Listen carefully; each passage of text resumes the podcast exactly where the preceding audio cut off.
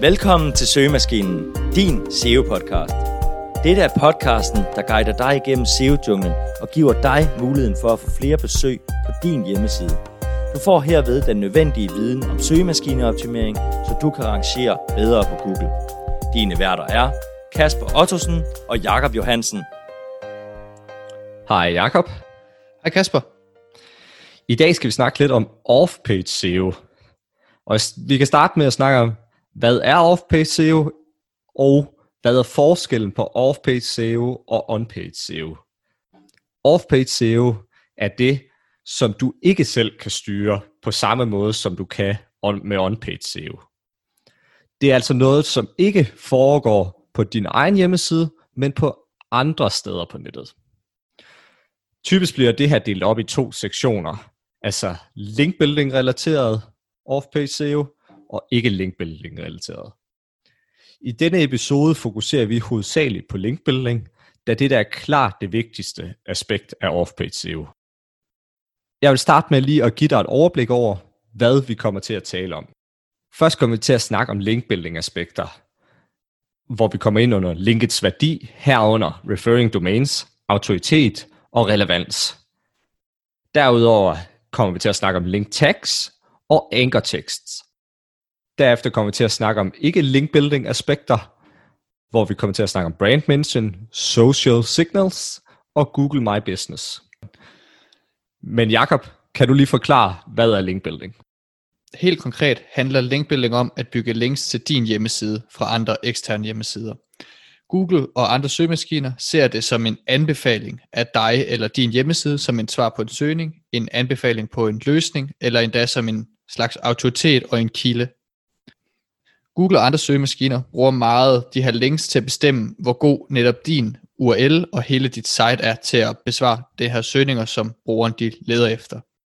Det er nemlig et helt bærende element for, at søgemaskinerne kan forstå, hvad din side også handler om, og hvor god du er til at besvare på brugerens spørgsmål, når de søger i deres søgemaskine. Derfor er en stor del af algoritmen bygget på de her forskellige links fra eksterne kilder til dit eget site, og det er faktisk en af de måske vigtigste ranking factors, når det kommer til Google. Så hvad kendetegner egentlig et godt link? Jamen, et af de vigtigste punkter, man kigger på, når man ser på, hvad er et godt link, så snakker vi referring domains, altså linkets styrke. Og der er flere forskellige parametre, du skal kigge på, når du vurderer et links styrke. Så når vi kigger på, hvor stærkt et indgående link fra en anden hjemmeside er, kigger vi efter disse ting. Først kigger vi på, hvor mange indgående links og referring domains har denne side, som vi får links fra. Jo flere referring domains, jo bedre. Det er også godt med flere links fra den samme hjemmeside, men det er dog knap så vigtigt som at få det få mange links fra forskellige hjemmesider. Det handler dog ikke kun om kvantitet, men i høj grad også om kvalitet. Man kan blandt andet bruge Ahrefs domain rating og URL rating som pejlemærker, som en form for tommelfingerregel for styrken på et domæne. Ahref benytter sig af flere parametre, når de udregner disse. Et af dem er antallet af hjemmesider, der linker til dig. En anden er domain rating fra den side, som du har fået linket fra. En tredje er antal af sider, som domænet linker til.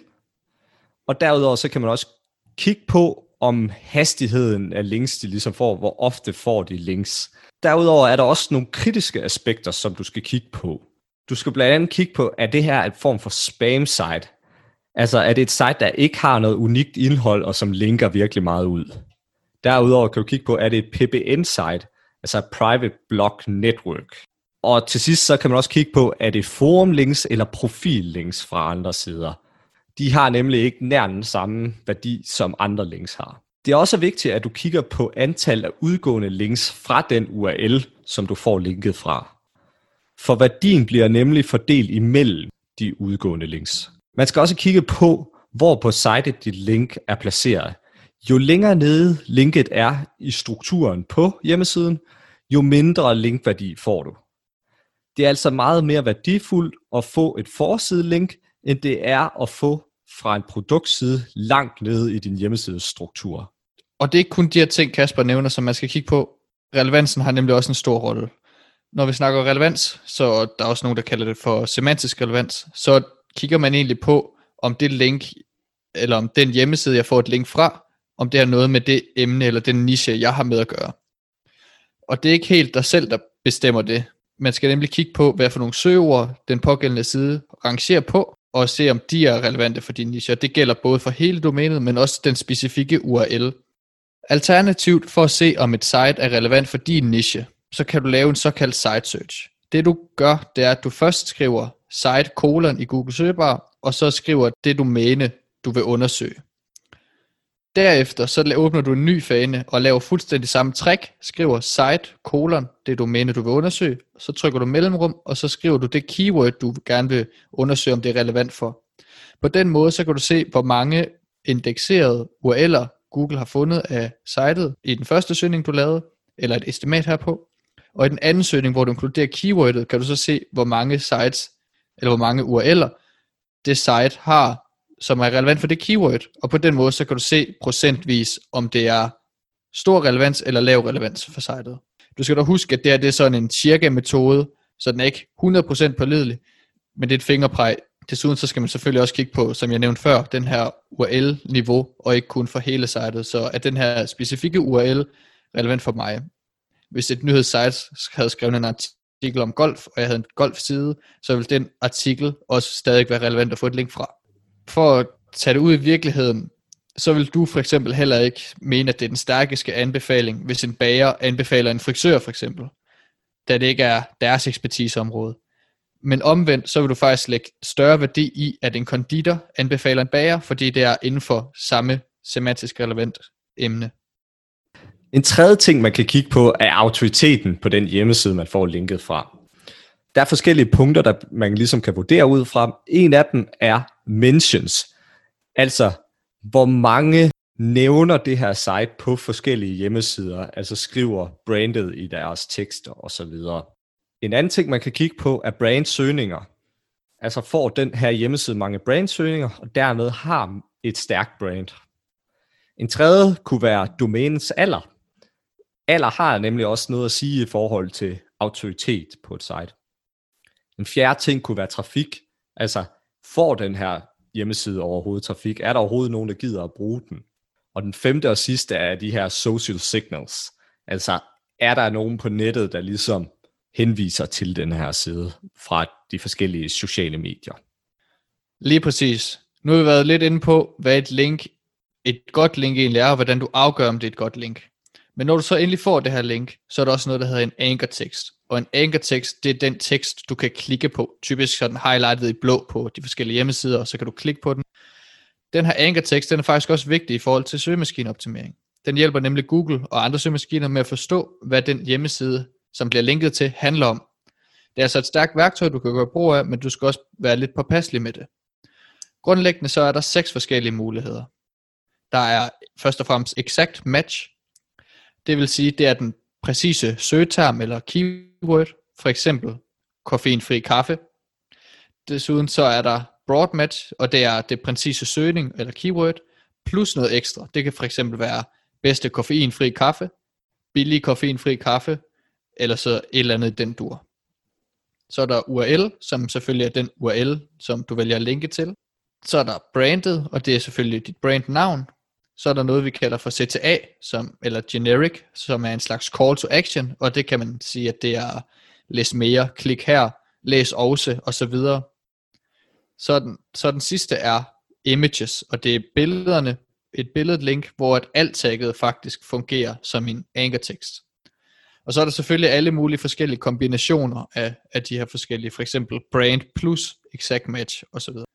Som tommelfingerregel, bør du ikke bruge for meget exact match, fordi det virker unaturligt og spammy for Google og andre søgemaskiner, når de ser på din såkaldte anchor text ratio.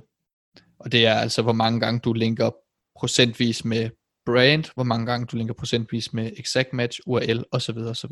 For at vurdere, om du bruger for meget eller for lidt exact match, kan du benytte dig af de keywords, du gerne vil arrangere for, og så se på, hvad gør konkurrenterne. Det første punkt er selvfølgelig at slå keywordet op. Det andet punkt er så at se på de her top 5 hjemmesider. Og nummer 3 det er at se på, hvilke anchor text ratios har de, hvor mange gange linker de procentvis med exact match, med broad match, med URL, brand, generic, image osv. osv. På den måde så får du en lidt bedre idé om, hvornår du bør bruge exact match, og hvornår du måske bør udvande din anchor text ratio med nogle brands og nogle URL osv. Placeringen af target keywordet tæt på dit link på hjemmesiden, er også nogen, der mener, at det bringer værdi, eller mere værdi, og sørger for, at Google forstår, hvad den her hjemmeside, der bliver linket til, handler om. Det er dog lidt en diskussion om, hvorvidt det så er tilfældet eller ikke er tilfældet. Kasper, vil du ikke snakke videre lidt om nogle forskellige link-attributter? Jo, det vil jeg i hvert fald. Først og fremmest, før man rigtig begynder at snakke om link-attributter, så er det rigtig vigtigt, at man tjekker, om siden, som du har fået link fra, er indekseret, for ellers så bringer den ingen værdi. Derefter skal du kigge på, om det er et no-follow-link eller et do-follow-link. Hvis det er et no-follow-link, så fortæller de Google, at du ikke skal have noget linkværdi igennem det her, og Google skal ikke følge det her link, så derfor giver den ikke noget værdi videre. Hvorimod du follow link er et helt normalt link, som fungerer som en form for anbefaling, der viderebringer den her link juice. Der er lige nu mange, der snakker om, om det her det vil ændre sig på sigt, og at no-follow vil få meget mere værdi, fordi der er færre og færre hjemmesider, der gider at linke ud, og derfor så vil nofollow links pludselig med stor sandsynlighed få mere værdi. En anden link-attribut er sponsoreret. Altså man kan give den en attribut, hvor man fortæller Google, at det her det er sponsoreret indhold. En tredje, det er det, vi kalder UGC, altså User Generated Content. Og det er målrettet til for eksempel kommentarfelter og lignende, som altså handler om, at det er ikke skribenten eller hjemmesideejeren selv, der har lavet det her tekst, det er udefra kommende, der har skrevet det her tekst. Det er nemlig helt rigtigt. Og typisk så vil Google faktisk også forbinde det her user-generated content med mindre værdi end et typisk almindeligt du follow link i en artikel. Men for at få de her links, så er der en masse forskellige metoder. Den første er blandt andet organiske links, som, hvor du ikke skal gøre meget, men du egentlig får linksene organisk og naturligt fra andre hjemmesider. Den anden det er køb af links. Øhm, det er måske lidt black hat SEO, der er mange, der gør det, og der er et stort marked for det. Øhm, det kan både være i form af advertorials, men også sponsorerede artikler. Så er der også outreach, hvor at man helt konkret skriver ud til folk for at få sit content ud, eller for at få et linksamarbejde, eller for at skrive et gæsteindlæg osv. Der er mange forskellige strategier. Der er også noget, man kalder for link bait, hvor du skriver noget indhold på din egen side, som er linkable content. Øhm, det kan for eksempel være reviews, som folk har lyst til at linke til, eller øh, du skriver specifikt om en hjemmeside, eller giver den en slags award. Derfor så har de måske mere incitament til at linke til dig, fordi at du nævner dem med noget god omtale. Så er der også de her, vi kalder dem for byg selv links, som er de her forskellige forumer og profillinks, hvor du kan gå ind og skrive et forum, hvor du svarer på en, et spørgsmål, og så skriver, øh, skriver din hjemmeside som, som løsning, eller hvad hedder det, øhm, eller skriver, at du er fra den her hjemmeside. Yes, og til sidst vil jeg bare gerne snakke lidt om ikke linkbuilding-delen af off-page SEO. Først vil jeg nævne Google My Business, som ligesom er rigtig vigtig og rigtig godt for dit lokale SEO. Det vil sige, at hvis du har, øh, især hvis du har en fysisk butik, så er det sindssygt vigtigt at få oprettet en Google My Business. Hvis du ikke ved, hvad en Google My Business er, så ser du den typisk, hvis du søger på et brand, så får de en boks ude i højre side med telefonnummer, adresse og alle mulige ekstra oplysninger, som fylder helt vildt meget i Google. En anden måde at blive vist med Google My Business er, hvis du søger en bestemt ting, som for eksempel et pizzeria, så vil der komme et øh, map frem, hvor det vil vise forskellige pizzerier, og nedenunder det vil der være links til nogle af de her pizzerier, og der kan du også blive vist i. En anden ting, man kan kigge på, det er social signals. Selvom social signals måske ikke er en direkte ranking factor ifølge Google, så vil det være med til, at flere vil se og læse dit content, som vil kunne følge til, at flere linker og giver dig mentions og lignende, som forbedrer dit off-page SEO. Derfor bør du ikke ignorere Facebook, Instagram, LinkedIn profiler. Det er vigtigt. Den sidste, det er brand mention. Google kigger også på brand mentions, da Google godt ved, at folk nævner dit brand uden at linke til dem. Du kan finde de her brand mentions ved at bruge Google Alerts, som minder dig om, hvor dit brand bliver nævnt. Og så kan du prøve at konvertere den her brand mention til et link. Vi har nu været igennem off-page SEO, hvor vi især har snakket om link building. Vi håber, at du har fået en masse gavn øh, episoden og lært nogle tips og tricks, blandt andet i forhold til, hvad der kendetegner et godt link, hvordan du skal vælge din ankertekst, og få et kort overblik over de her forskellige linkbuilding metoder, som vi eventuelt kan lave en episode om i fremtiden. Det her det er så også enden på vores basisafsnit. Vi har faktisk kun rørt overfladen og er de mest fundamentale elementer af SEO, og i de kommende episoder så vil vi faktisk dykke mere ned i specifikke elementer og optimering i forhold til søgemaskineoptimering. Tak fordi du lyttede med. Hvis du har en ven, veninde eller kollega, der kunne nyde godt af at vide mere om basic SEO, eller specifikt om off-page SEO, så håber vi, at du deler den her podcast med ham eller hende. Det vil ikke bare være en stor hjælp for ham eller hende, men du vil også gøre os en stor tjeneste.